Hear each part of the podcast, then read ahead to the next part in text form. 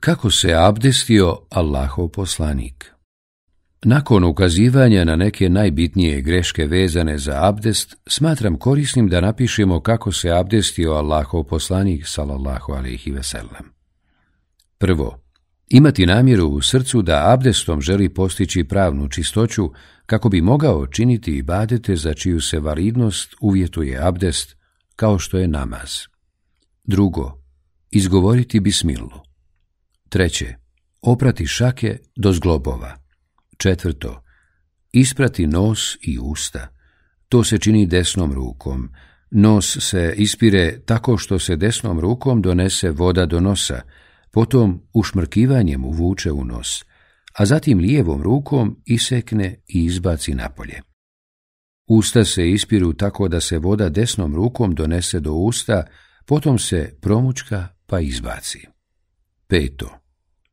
Oprati lice, pazeći da se opere cijelo lice s prethodno spomenutim granicama, uzduž od vrha čela, početka mjesta gdje niče kosa, pa sve do dna lica, do ispod bradne kosti, a poprečno od jednog do drugog uha.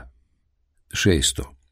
Oprati ruke desnu potom lijevu od vrhova prstiju sve do iza lakata, pazeći da se opere cijelakat.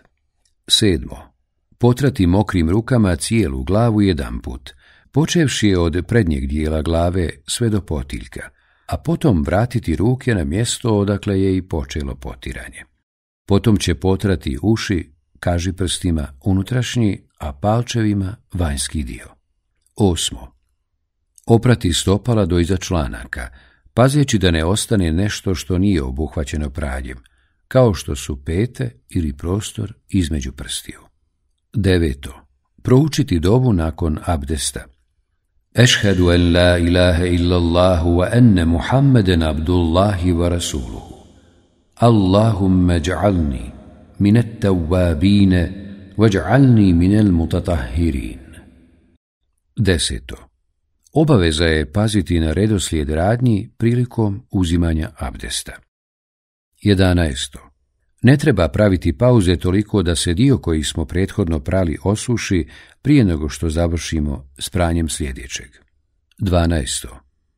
Svaki dio tijela najviše se može oprati po tri puta, osim glave koja se potire samo jedan put. 13. U pranju ruku i nogu prednost se daje desnoj strani. Ako bi se prvo oprala lijeva, abdest je validan, s tim što je izostavljen sunnet davanja prednosti desnoj strani. 14. Pokuđeno je rasipati vodu.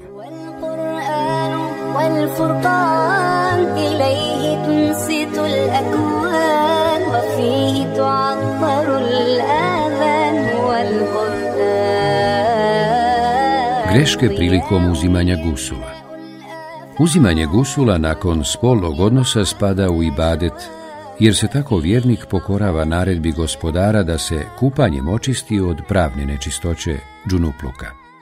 Hadisi zabilježeni od Božijeg poslanika, salallahu alaihi veselem, a koje prenose njegove supruge, precizno su nam pojasnili kako se treba očistiti od džunupluka.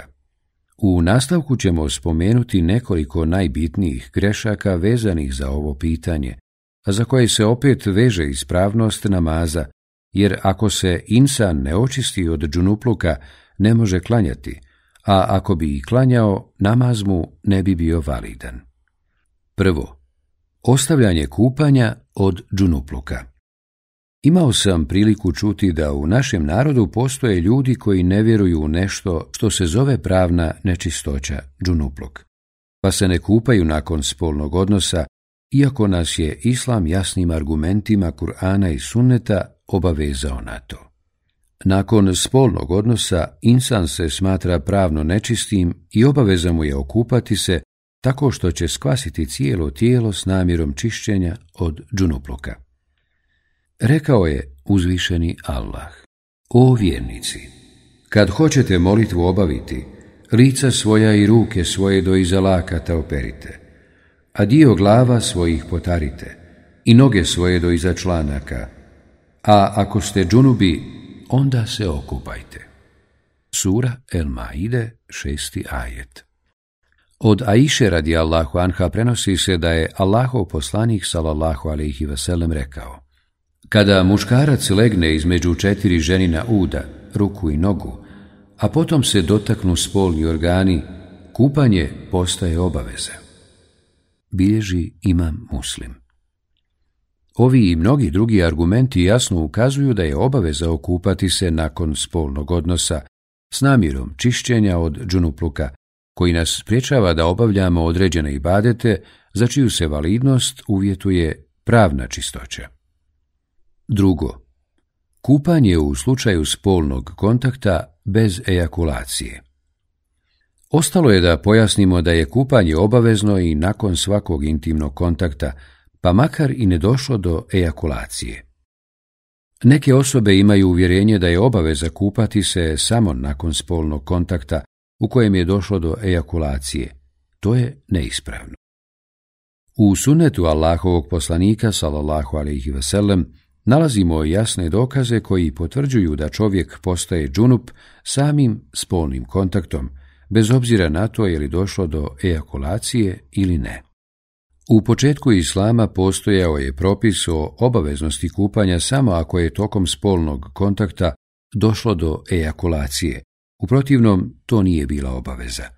Što je dokinuto propisom koji je i danas na snazi, da je kupanje obavezno nakon spolnog kontakta bilo ejakulacije ili ne bilo.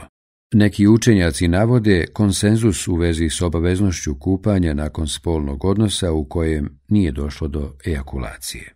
U jednoj od predaja prethodno citiranog hadisa Aisha radi Allahu Anha o obaveznosti kupanja nakon spolnog kontakta ima dodatak, pa makar i ne došlo do ejakulacije. Bilježi imam muslim. Ovdje ostaje da se pojasni dio hadisa. Potom se dotaknu spolni organi. Odnosi li se to na svako dodirivanje spolnih organa muškarca i žene ili na nešto drugo?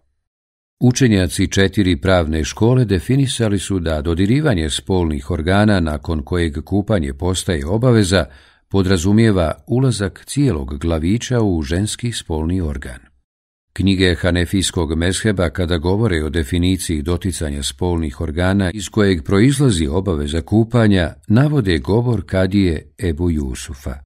Kada glavić potpuno uđe, da se ne vidi, kupanje je obavezno, bez obzira na to je li bilo ejakulacije ili nije. Shodno tome, ako bi prilikom intimnog kontakta supružnika zaista došlo samo do dodirivanja spolnih organa bez ulaska muškog spolnog organa u ženski, a ne bude ni ejakulacije, kupanje u toj situaciji nije obaveza. Treće. Spriječavanje vode da dođe do svih dijelova tijela, na primjer uslijed nošenja kape na glavi ili nalakiranih noktiju. Jedna od grešaka koja se veže za gusul jeste i to što neki ljudi iz njima poznatih razloga stavljaju kapu ili nešto drugo na glavu, kako bi ispriječili dolazak vode do kose, dok s druge strane postoje žene koje se abdeste ili kupaju od džunupluka, a na njihovim noktima je lak koji ispriječava dolazak vode do tijela i čini abdest ili gusul neispravnim. Da bi kupanje bilo validno prema onome što je zabilježeno u vjerodostojnim hadisima, treba skvasiti cijelo tijelo. Dakle, ako bi se neko kupao, a neke dijelove tijela ne bi pokvasila voda, to kupanje ne bi bilo validno. Uvaženi šejh El Useimin rekao je, postoje dva načina kupanja. Prvi je minimalni, zadovoljavajući, a to je da se pokvasi cijelo tijelo vodom uz ispiranje usta i nosa. Osoba koja pokvasi cijelo tijelo otklonila je od sebe veliku pravnu nečistoću i postala čista na osnovu ajeta Kada budete džunubi, očistite se. Drugi je potpuno kupanje, a to je da se okupa onako kako se kupao Allahov poslanik sallallahu alejhi ve sellem. Naime, sunnet je prvo oprati ruke, zatim spolni organ i onaj dio tijela koji se isprljao u spolnom činu. Nakon toga će uzeti abdestu u potpunosti, posuti vodu po glavi tri puta, pa oprati ostali dio tijela, i to je potpuni način kupanja. Četvrto. Ostavljanje namaza osobe koja nije u mogućnosti uzeti abdest, a ne želi uzeti tejemom. Neki ljudi u neznanju spremni su ostaviti namaz kada ne mogu uzeti abdest. Naročito ako su u pitanju vanredne situacije, kao što je bolest. Tako ćemo vidjeti da mnogo ljudi kao izgovor za ostavljanje namaza u periodu bolesti ili ležanja u bolnici navodi da ne mogu uzeti abdest. Uzvišeni Allah propisao je pripadnicima ovog umeta da kad se nađu u situaciji da nemaju vode ili je imaju, ali im njeno korištenje šteti zdravlju ili usporava ozdravljenje, uzmu tejemom, kaže gospodar svjetova.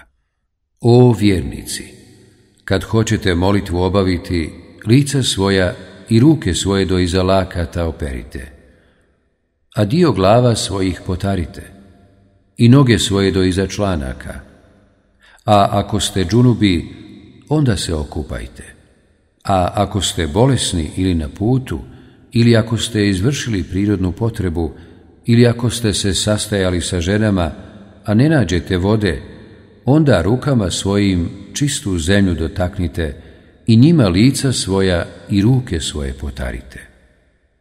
Allah ne želi da vam pričini poteškoće, već želi da vas učini čistim i da vam blagodat svoju potpuni, da biste bili zahvalni sura El Maide, šesti ajet.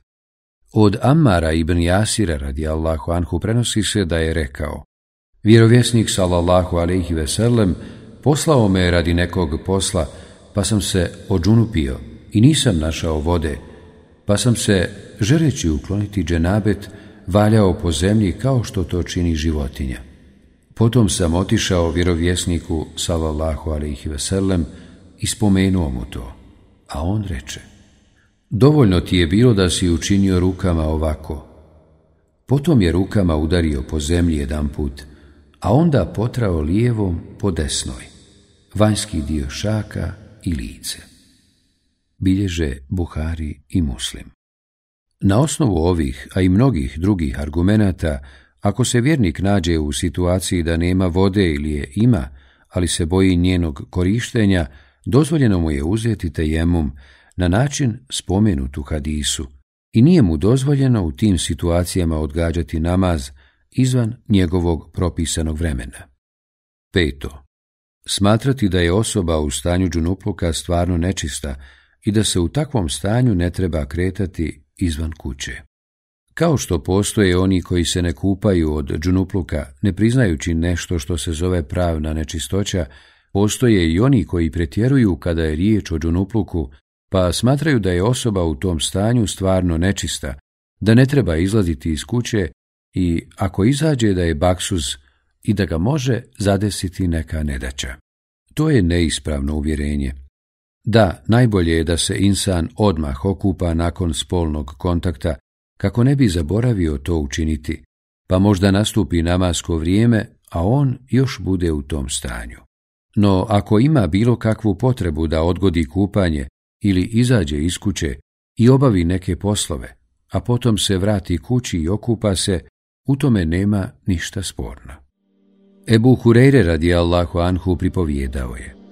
Sreo sam Allahovog poslanika, salallahu alaihi veselem, na jednom od medinskih puteva, a bio sam džunup, pa me uzeo za ruku i skupa smo prošetali.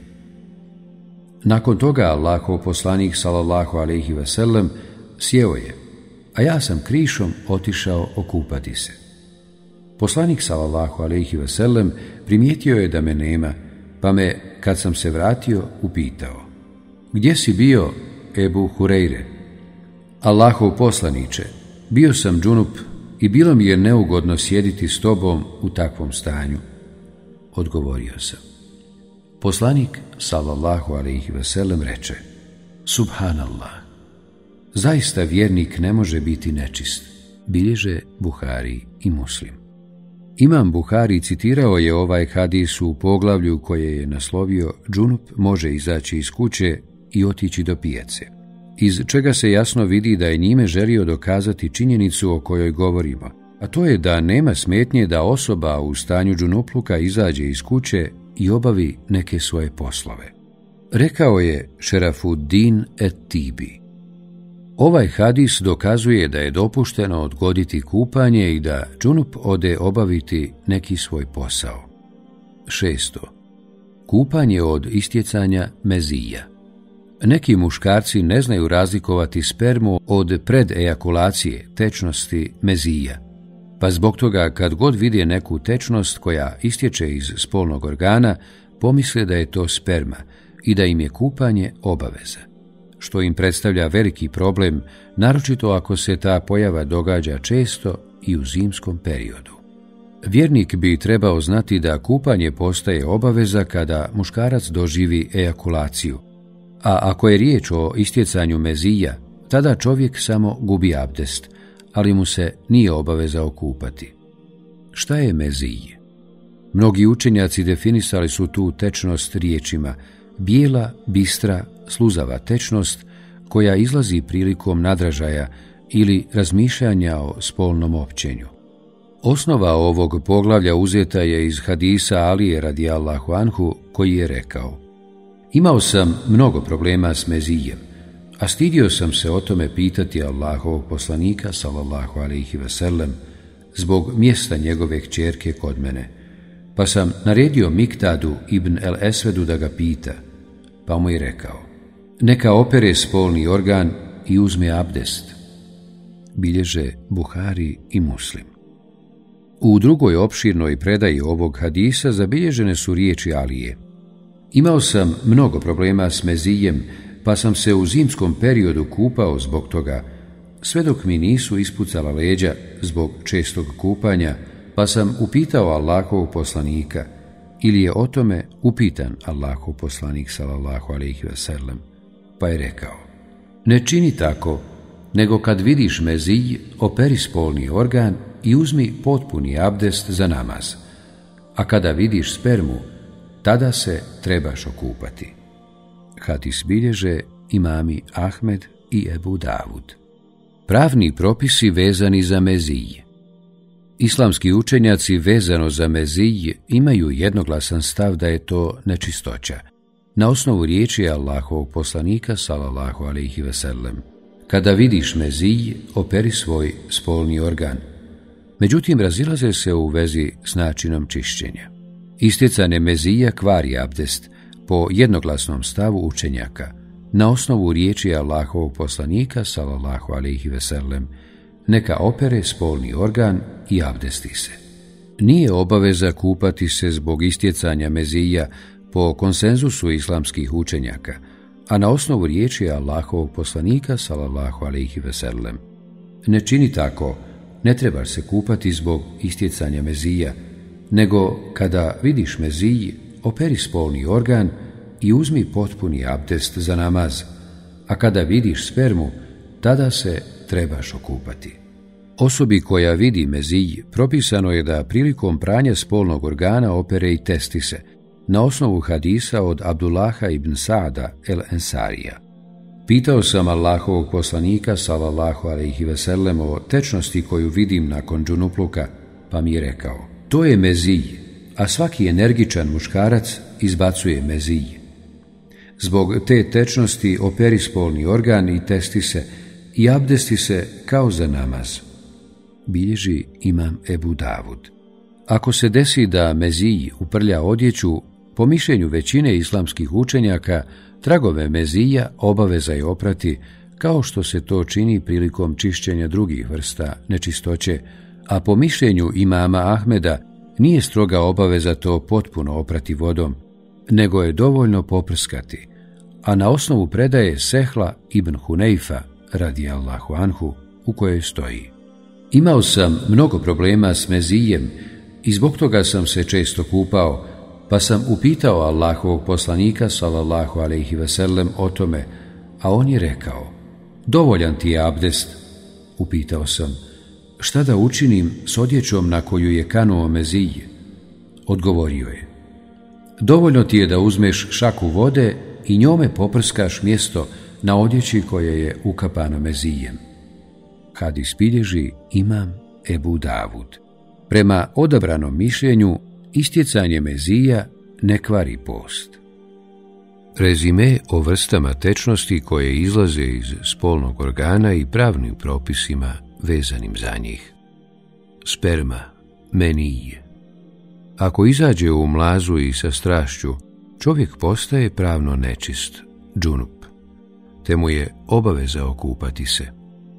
Izlazak sperme sa strašću također uzrokuje neispravnost posta, izuzev ako se ejakulacija dogodi u snu, tada ne kvari post, po konsenzusu učenjaka, ali je obavezno kupanje. Po ispravnom mišljenju sperma je čista, za razliku od mezija i mokraće, koji su nečisti. Mezije Izlaskom mezija gubi se abdest. Ova tečnost je nečista. Zbog njenog istjecanja obaveza je oprati spolni organ zajedno s testisima, dok kupanje nije obavezno. Istjecanje mezija ne kvari post. Mokraća, urin, Istjecanje mokraće uzrokuje gubljenje abdesta. Urin je nečist i obaveza je oprati odjeću ili dio tijela na koji dospije, ali istjecanje urina ne uzrokuje obaveznost kupanja.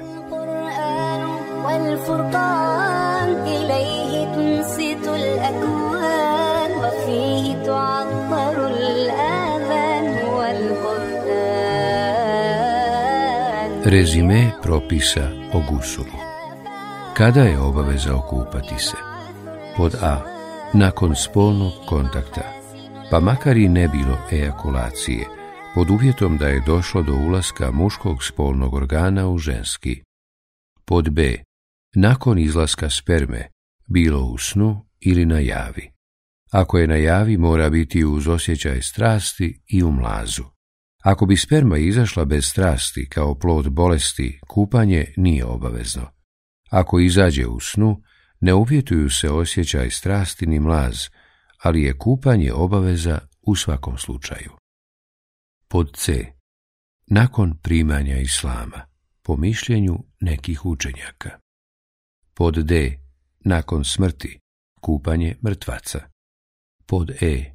Nakon završetka hajza ili nifasa. Kako ispravno potpuno uzeti gusul? kako je zabilježeno da je to činio Allahov poslanik. Potrebno je imati nijet za uzimanje gusula, to jest da se u srcu namjerava kupanjem očistiti od šerijatske nečistoće. Nijet je u srcu i ne treba ga izgovarati. Oprati šake. Očistiti ostatke tjelesnih tečnosti sa spolnog organa i oko njega. Ponovo oprati šake, uzeti abdest kao što se uzima za namaz, oprati glavu. Oprati, skvasiti čitavo tijelo, dajući prednost desnoj strani nad lijevom. Napomena. Osoba koja na spomenuti način uzme gusul, nema potrebe uzimati abdest odmah nakon toga, pod uvjetom da tokom kupanja nije učinila ništa što kvari abdest, kao što je doticanje spolnog organa, puštanje vjetra ili uriniranje. Nakon kupanja na spomenuti način, insan je pravno čist i može klanjati bez ponovnog uzimanja abdesta. Allahu akbar! Allahu akbar! Allahu akbar! Allahu Greške vezane za ezan i kamet. Vrijednost ezana Prije navođenja najbitnijih grešaka vezanih za ezan i kamet, treba napomenuti da je učenje ezana i badet i njegovom izvršiocu obećane su mnoge nagrade.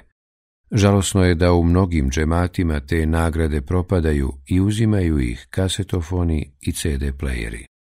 Prvo, Mujezini će na sudnjem danu imati najduže vratove. Muavija ibn Ebu Sufjan radi Allahu anhu prenosi da je čuo Allahovog poslanika sallallahu alaihi veselem kako kaže Ljudi s najdužim vratovima na sudnjem danu bit će mu jezini. Postoji mnogo komentara islamskih učenjaka o značenju ovog hadisa. Rekao je šejh Husejmin. Kad budu proživljeni ljudi na sudnjem danu, Mujezini će imati odliku koju neće imati niko drugi osim njih, a to je da će biti najdužih vratova, pa će potome biti prepoznatljivi, što svakako ukazuje na njihovu vrijednost. Razlog je to što su glasno uzdizali riječi Ezana, veličali Allaha tekbirom, riječima teuhida, čistog monoteizma, te svjedočili poslanicu Allahovom poslaniku, pozivali ljude na namaz i na spas a sve su to činili s uzdignutih mjesta, pa je zbog toga njihova nagrada u skladu s tijelom koje su učinili, tako da su njihove glave i lica uzdignuti putem izuženih vratova. Drugo, Ezan udaljava šeitana. Ebu Hureyre radi Allahu anhu prenosi da je Allahov poslanik sallallahu alaihi veselem rekao Kad se oglašava poziv za namaz, to jest kad se uči Ezan, Šeitan se dadne u bijeg, bučno puštajući vjetrove, a sve to kako ne bi slušao Ezan. Kad se Ezan završi, on se vrati. Kad se uči i kamet, on ponovo pobjegne, a kad se i kamet prouči, on se još jednom vrati kako bi čovjekove misli odvraćao od namaza govoreći mu. Sjeti se toga i toga, misli o tome i tome, a ničega od toga nije se mogao sjetiti ranije. Tako šeitan čini sve dok čovjek ne zaboravi koliko je rekata klanjao. Hadis bilježe imami Buhari i Muslim. Treće. Kada bi ljudi znali kolika je vrijednost Ezana, bacali bi kocku da odrede ko će ga učiti. Kolika je nagrada za učenje ezana u slučaju kad ne postoji imenovan mu jezin, koji to čini, govori nam sljedeći hadis. Ebu Hureyre radi Allahu anhu prenosi da je Allahov poslanik salallahu alaihi wasallam rekao Kada bi ljudi znali kolika je vrijednost ezana i prvog safa, oni bi, kada ni na koji drugi način to ne bi mogli odrediti, bacanjem kocki odlučili ko će učiti ezan ili klanjati u prvom safu.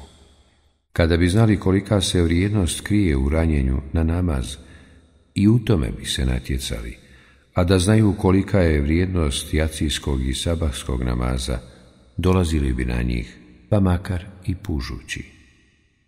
Hadis bilježe Buhari i Muslim. Četvrto. Ništa neće čuti glas mu jezina, a da mu neće biti svjedok na sudnjem danu. Ebu Sejd hudri radi Allahu anhu prenosi da je čuo Allahovog poslanika sallallahu alaihi veselem kako kaže – Ništa i niko neće čuti glas mu jezina, džin, čovjek ili neko drugi, a da mu neće svjedočiti na sudnjem danu.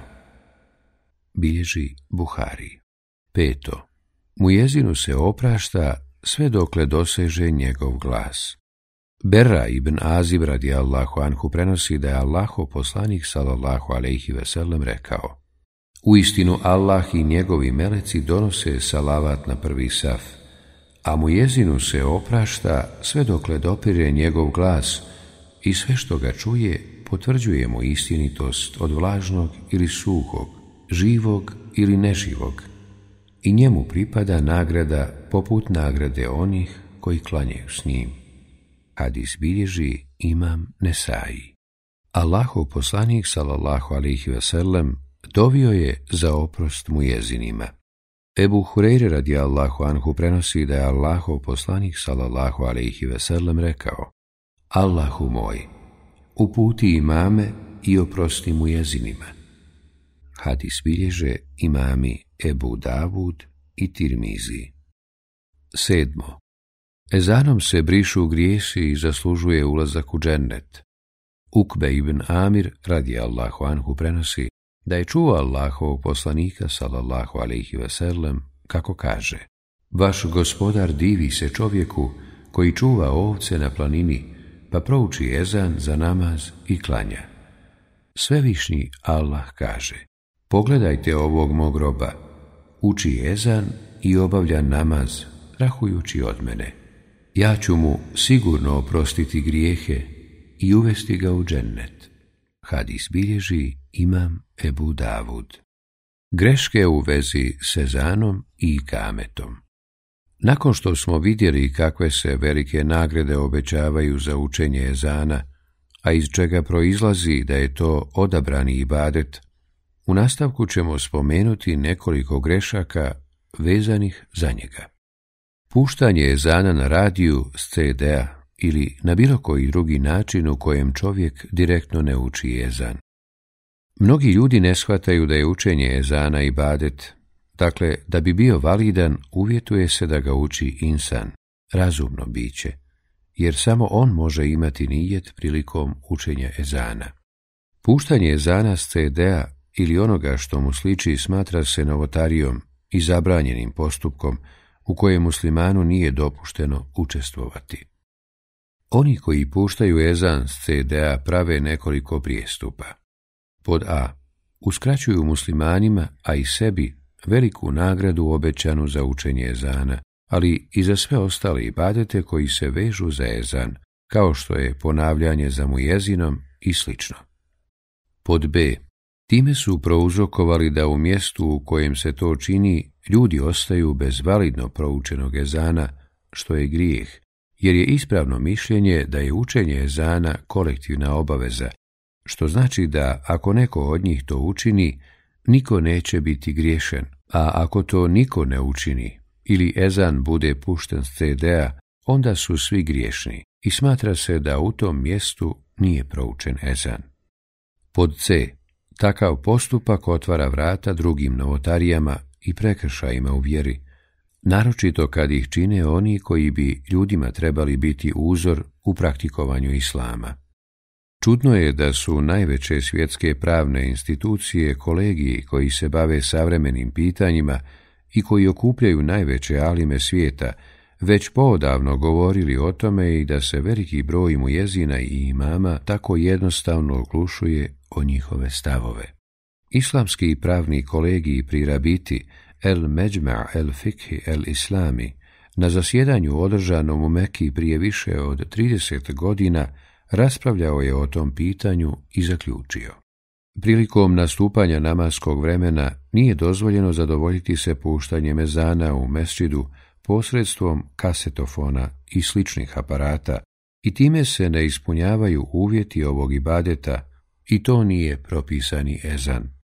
Muslimanima je obaveza da lično prouče ezan prilikom nastupanja namaskog vremena u svakoj džamiji, baš kako su to naslijedili iz vremena Allahov poslanika Muhammeda sallallahu alaihi sellem, pa sve do današnjih dana. U knjigama Hanefijskog mesheba nalazimo da su učenjaci uvjetovali da mu jezin treba biti razuman muškarac. Ezan nerazumne osobe smatrali su neispravnim, uz obavezu da se ponovi.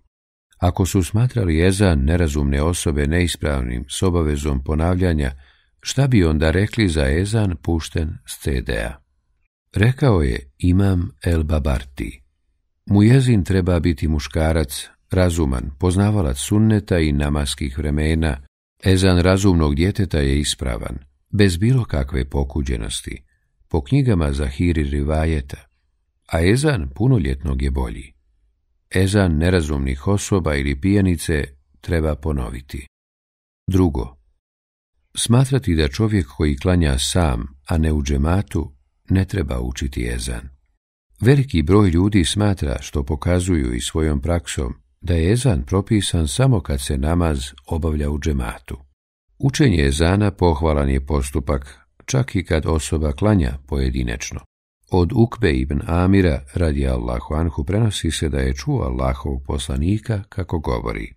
Divi se, čudi se tvoj gospodar pastiru koji čuva stado ovaca na vrhu visoke planine, uči jezan za namaz i klanja, pa uzvišeni kaže Pogledajte ovog mog roba, uči jezan, klanja, boji se mene, a ja sam mu oprostio i uveo ga u džennet.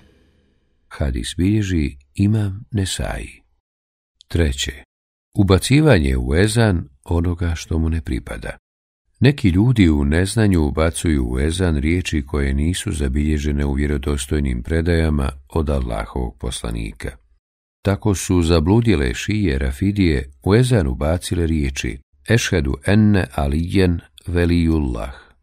Svjedočim da je Alija Allahov štićenik. Gledano s naučnog aspekta na tu navotariju nema potrebe odgovarati. Odgovor na nju znaju i najmanja djeca koja odrastaju u ehlisunetskoj sredini. Ni u jednom hadisu zabilježenom od Allahovog poslanika salallahu alaihi veselem ne spominje se taj dodatak. Praksa cijelog umeta svjedoči neispravnosti toga, jer u cijelom svijetu od istoka do zapada nigdje se u Eza ne dodaje spomenuti dodatak, osim kod njih, što je razumnom čovjeku dovoljno da shvati da je riječ o novotariji, koja opet ima svoju ideološku pozadinu.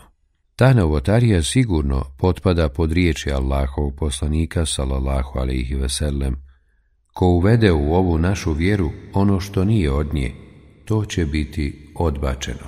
kad bilježe imami, buhari i muslim. Četvrto, nepoznavanje kodeksa ponašanja vezanog za ezan i mujezina. Prilikom učenja ezana dio ljudi pravi nekoliko grešaka uslijed nepoznavanja kodeksa ponašanja adaba koji su učenjaci spomenuli, a koji se veže za osobu koja uči ezan i način obavljanja ovog ibadeta. Pod A. Mujezin treba imati namjeru naumiti učenje ezana, jer je on ibadet, što znači da je uvjet za ispravnost ezana donošenje nijeta za njegovo učenje. Pod b. Mujezin mora biti musliman, jer se i badeti ne primaju od nemuslimana. Pod c.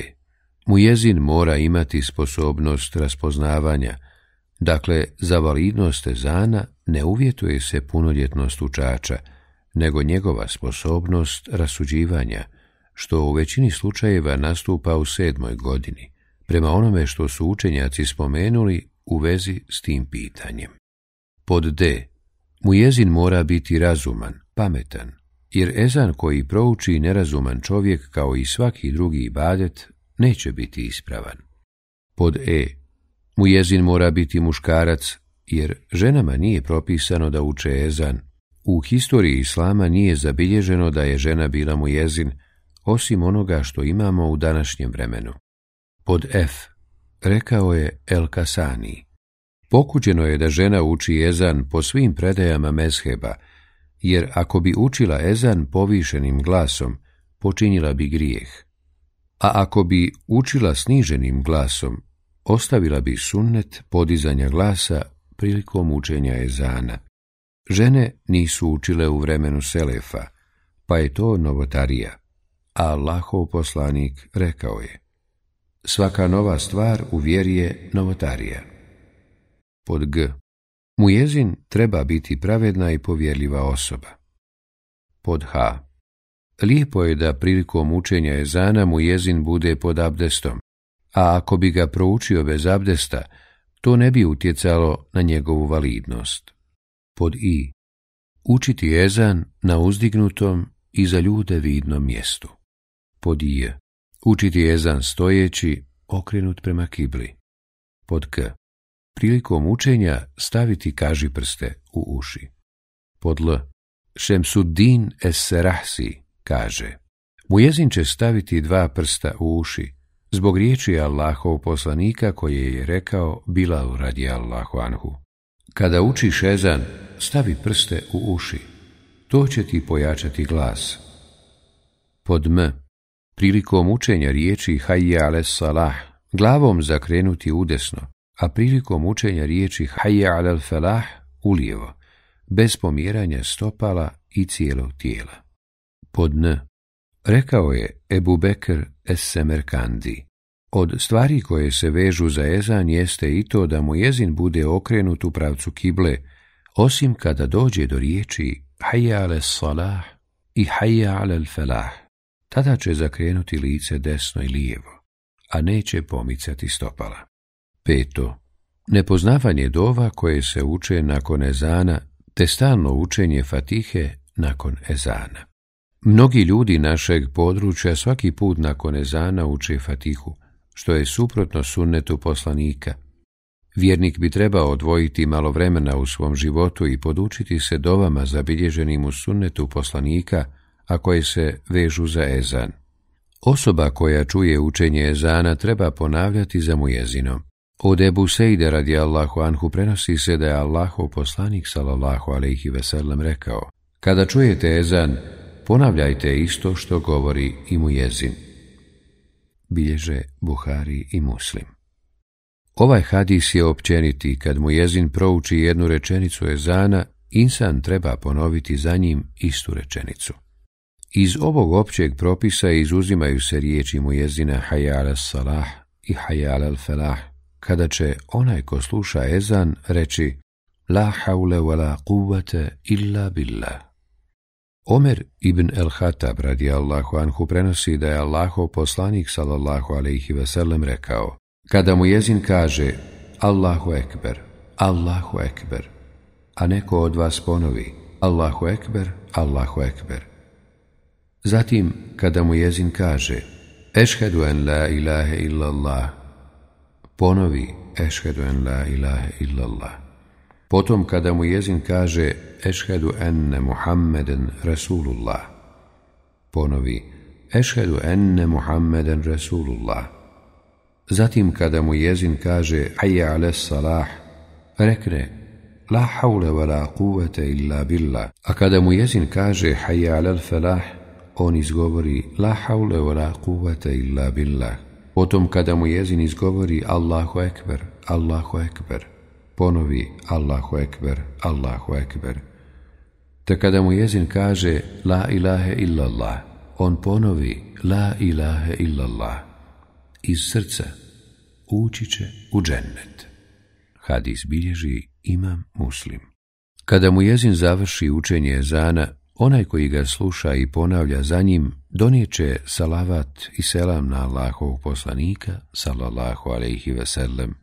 Prenosi se od Abdullaha ibn Amra ibn asarati i Allahu Anhu da je Allahov poslanik, salallahu alaihi veselem, rekao Kada čujete mu jezina da uči jezan, izgovarajte ono što i on, a zatim donesite salavat na mene.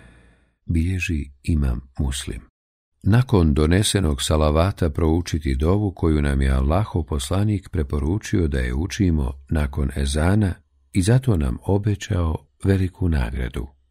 Od Džabira ibn Abdullaha radi Allahu Anhu prenosi se da je Allahov poslanik salallahu alaihi vasallam rekao Ko nakon što čuje ezan kaže Allahumma rabbe hadihi da'vati tamme Vossalatil qa'imeh آت محمدا الوسيلة والفضيلة وبعثه مقاما محمودا الذي وعدته Allahu moj, gospodaru ovog potpunog poziva i namaza koji se uspostavlja, podari Muhammedu vesilet i svoju dobrotu. Proživi ga na mjestu hvale dostojno, koje si mu i obećao. Taj će imati pravo na moje zauzimanje, šefat bilježi Imam Buhari.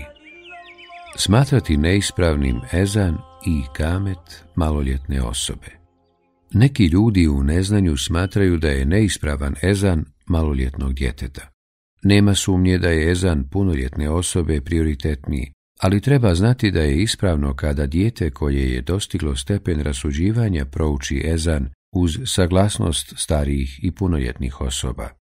Kada govore o adabima Muezina, islamski učenjaci spominju da je potrebno da to bude osoba koja ima sposobnost rasuđivanja, arapski numejez, i većinom su pojasnili da to nastupa s napunjenih sedam godina.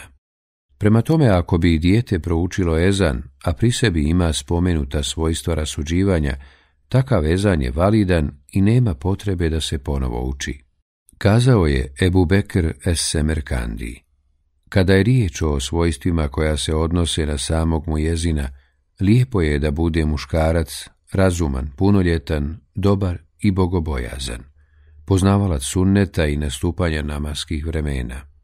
Ako bi jezan proučilo dijete razumno, njegov je ezan validan bez ikakve pokuđenosti. Tako je spomenuto u knjigama Zahiri Rivajeta, ali je ezan punoljetne osobe bolji smatrati neispravnim ezan osobe koja nije pod abdestom. Budući da je učenje ezana i badet, a pogotovo zato što se veže za namaz, lijepo je da mu jezin prilikom učenja ezana bude pod abdestom, ali to nije uvjet za njegovu validnost. Čak po mišljenju hanefijskog meskeba nije ni pokuđeno da se ezan uči bez abdesta, iako i hanefije smatraju da je bolje da mu jezin bude pod abdestom.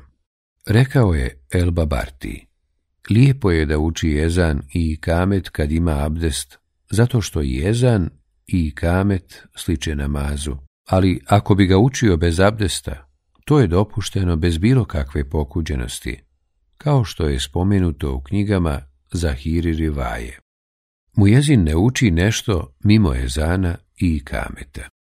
U sunetu Allahovog poslanika, salallahu alaihi veselem, nalazimo da jedino što mu jezin uči jesu ezan i kamet. Dakle, vidljiva je greška koju čine mnogi jezini koji u mujezinluk dodaju ono što mu ne pripada. U mnogim džamijama jezini prije namaza uče naglas tri puta suru El Ihlas, Kul huvallahu ehad, što nema nikakvog utemeljenja u sunnetu, a da ne govorimo da se tako uznemiravaju oni koji u to vrijeme obavljaju dobrovoljni namaz. Allahov poslanik alejhi ve sellem u vjerodostojnim hadisima zabranio je uznemiravanje klanjača učenjem Kur'ana, pa je mnogo prioritetnije da bude zabranjeno uznemiravanje nekim zikrom koji nema utemeljenje u sunnetu. Isto tako, nakon namaza mnogi mu jezini naglas uče tri puta Estagfirullah i allahumente selamu aminke selam, tebarekte jazel dželali varikram što nema nikakvog utemeljenja, to je zikr koji svaki klanjač uči za sebe. Ostali dio zajedničkog učenja zikra koji predvodi mu jezin nije propisan vjerom, nego je propisano da svaki klanjač zikri za sebe. Nakon predavanja selama u namazu, mu jezin više ne uči ništa na glas.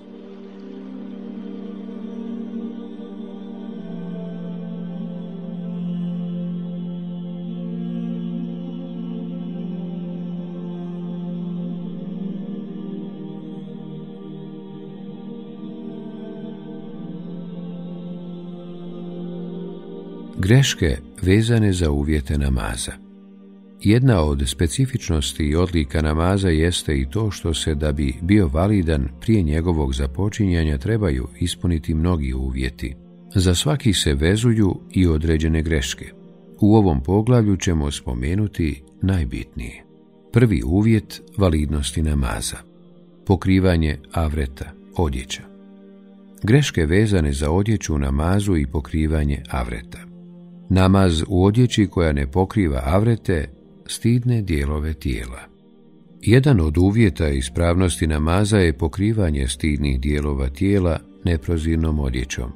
Avret žene u namazu je cijelo tijelo, osim lica, šaka i stopala, po mišljenju određenog broja učenjaka, a što je izvanični stav Hanefijske pravne škole. Sve mimo toga ženama je obaveza da pokriju kada obavljaju namaz. Nerijetko se dešava da klanjaju u prozirnoj odjeći koja ne pokriva vrat ili uši, u odjeći kratkih rukava koja pokriva dio podlaktice, a ne cijelu, ili u kratkoj suknji koja ne pokriva kompletnu potkoljenicu do članaka, već samo njen dio. Sve ovo može uzrokovati neispravnost namaza. Avret muškarca u namazu je dio tijela između pupka i koljena.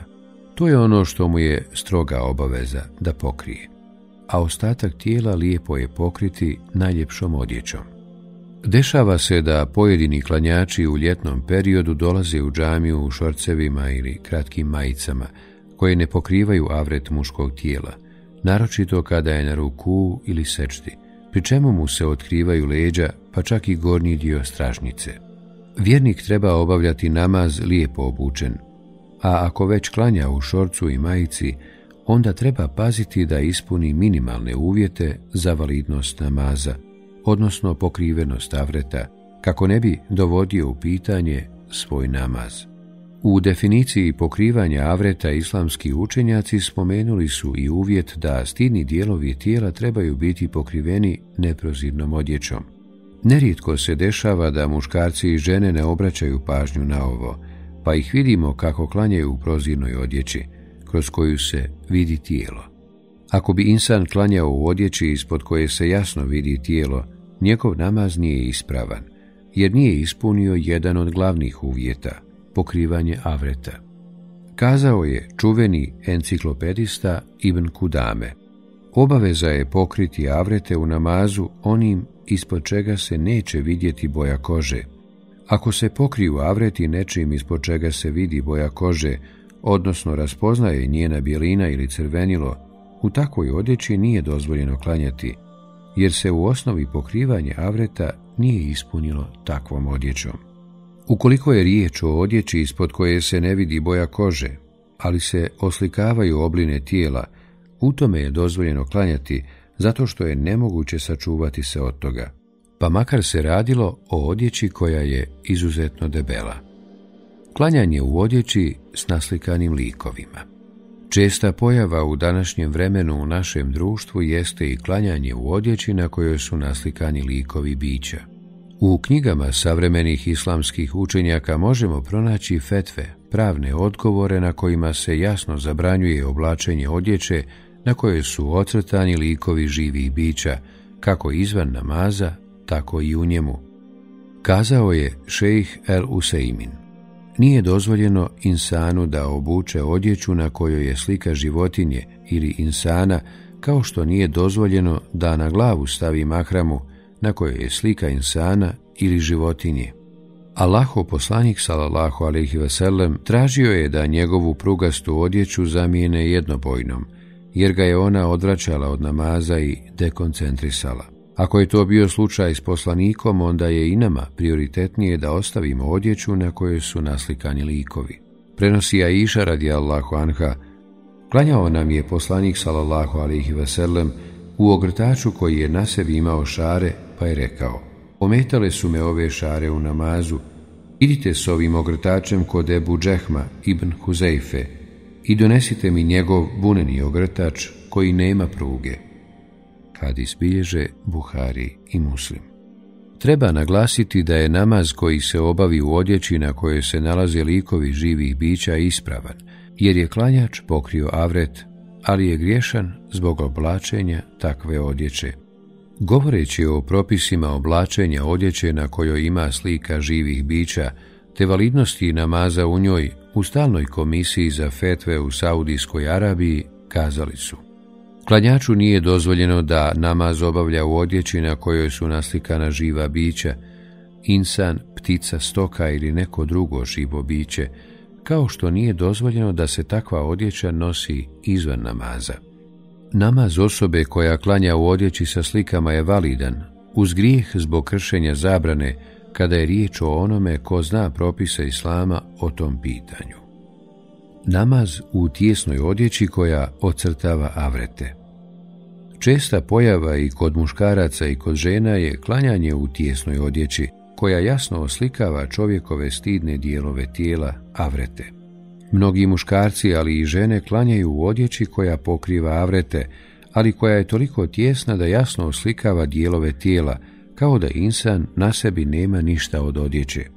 Zaista je mnogo savremenih islamskih učenjaka koji su ukazivali i upozoravali na ovu pojavu. Kazao je Abdulaziz ibn Baz. Pokuđeno je nositi tijesnu odjeću kako muškarcima, tako i ženama. Propisano je da bude umjereno široka, ne tijesna da oslikava obline avreta, niti prekomjerno široka, već između toga dvoga. A što se tiče ispravnosti namaza u tijesnoj odjeći, namaz je validan pod uvjetom da pokriva avrete, ali je pokuđeno i muškarcima i ženama nošenje takve odjeće. Propis validnosti u namazu u tjesnoj odjeći identičan je onome u prethodnom pitanju.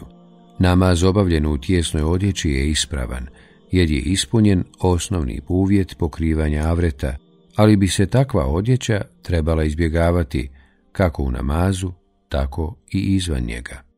Namaz otkrivene glave Neki ljudi smatraju pokuđenim ili čak zabranjenim obavljanje namaza otkrivene glave, Mnogo puta sam bio u prilici da vidim kako stariji ljudi u džamiji negoduju da ih u namazu predvodi osoba otkrivene glave.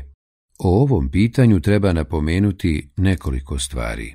Ne postoji vjerodostojan hadis koji preporučuje obavljanje namaza pokrivene glave, stoga je neispravno muškarce obavezivati nečim na što nas nije obavezala vjera. U vjerodostojnim hadisima zabilježeno je da je Allahov poslanik sallallahu alejhi ve nosio turban, te da je tako i klanjao među ljudima. Ali ne postoji vjerodostojan hadis koji ukazuje na to da je namaz s turbanom vrijedniji od namaza bez turbana. Pohvalno je da insan obuče lijepo odjeću kada želi obaviti namaz, jer time postupa po riječima uzvišenog Allaha. O sinovi Ademovi, lijepo se obucite kad hoćete molitvu obaviti. Sura El Araf 31. ajet ako je običaj jednog podneblja nošenje kape, odnosno pokrivanje glave prilikom izlaska iz kuće, i ako se to smatra ukrasom za muškarce, onda je lijepo tako i činiti. Treba uvažiti činjenično stanje da nošenje kape prilikom izlaska iz kuće na našem podneblju više nije običaj. Samim tim i uvjetovanje nošenja kape prilikom obavljanja namaza nema osnovu. Rezime Muslimanima je propisano da se lijepo obuku kada žele namaz obaviti. Termin lijepog oblačenja tumači se u skladu s vremenom i prostorom u kojem insan živi. Ukoliko je u nekom narodu u određenom vremenu običaj pokrivanja glave prilikom izlaska iz kuće, onda je lijepo da insan klanja pokrivene glave. Suprotno tome, ako u nekom vremenu i prostoru ljudi prilikom izlaska iz kuće ne pokrivaju glavu, i ne smatraju to nikakvom manjkavošću, tada nema smetnje da se namaz obavlja otkrivene glave. Sve spomenuto odnosi se na pohvalne postupke u namazu, a nikako na to da je namaz onoga koji klanja otkrivene glave neispravan. Smatrati da nije dopušteno klanjati u obući. Nakon što smo konstatovali da je dopušteno klanjati izvan kuće i džamije, odnosno na svim čistim mjestima, Postavlja se pitanje može li se na tim mjestima klanjati u obući. Sunet poslanika sallallahu ve veselem govori nam da je pohvalno klanjati u obući na kojoj nema nečistoće. Stoga ako na obući ima zemlje ili blata, to neće umanjiti validnost namaza jer ih islam ne smatra nečistim.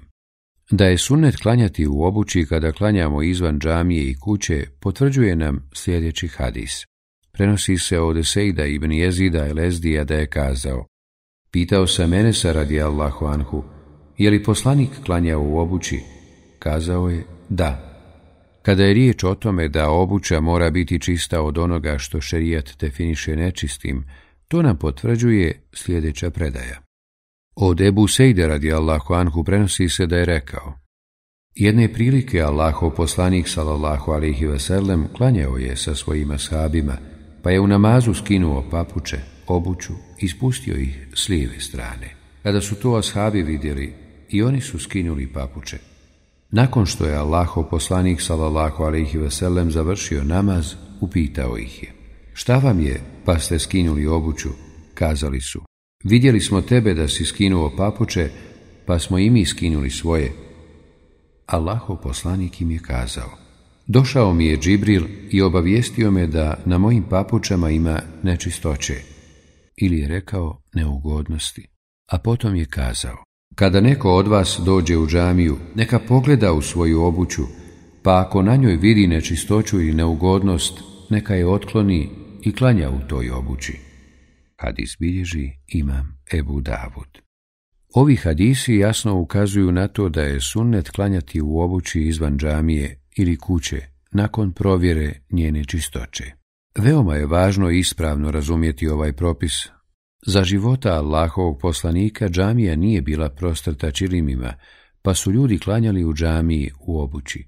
U današnjem vaktu podovi džamija su prekriveni čilimima, pa će čovjek skinuti obuću, a praktikovanje sunneta klanjanja u obući ostaviti kada bude klanjao izvan džamije, na otvorenom prostoru.